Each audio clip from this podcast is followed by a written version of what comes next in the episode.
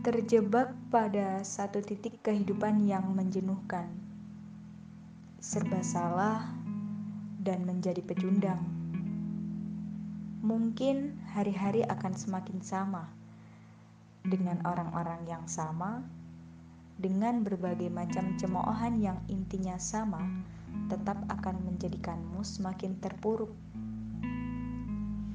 Orang-orang sejatinya tidak begitu jahat yang sebenarnya mereka berperan sebagai penyemangat.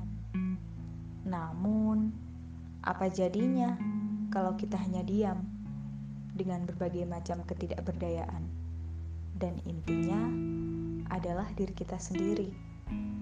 Seperti yang dikatakan oleh Wirda Mansur dalam bukunya yang berjudul Be the New You, mau dengerin speech atau ceramah dari motivator terhebat sedunia pun, tidak akan bisa mengubah kalian kecuali kalian mau mengubah diri kalian sendiri.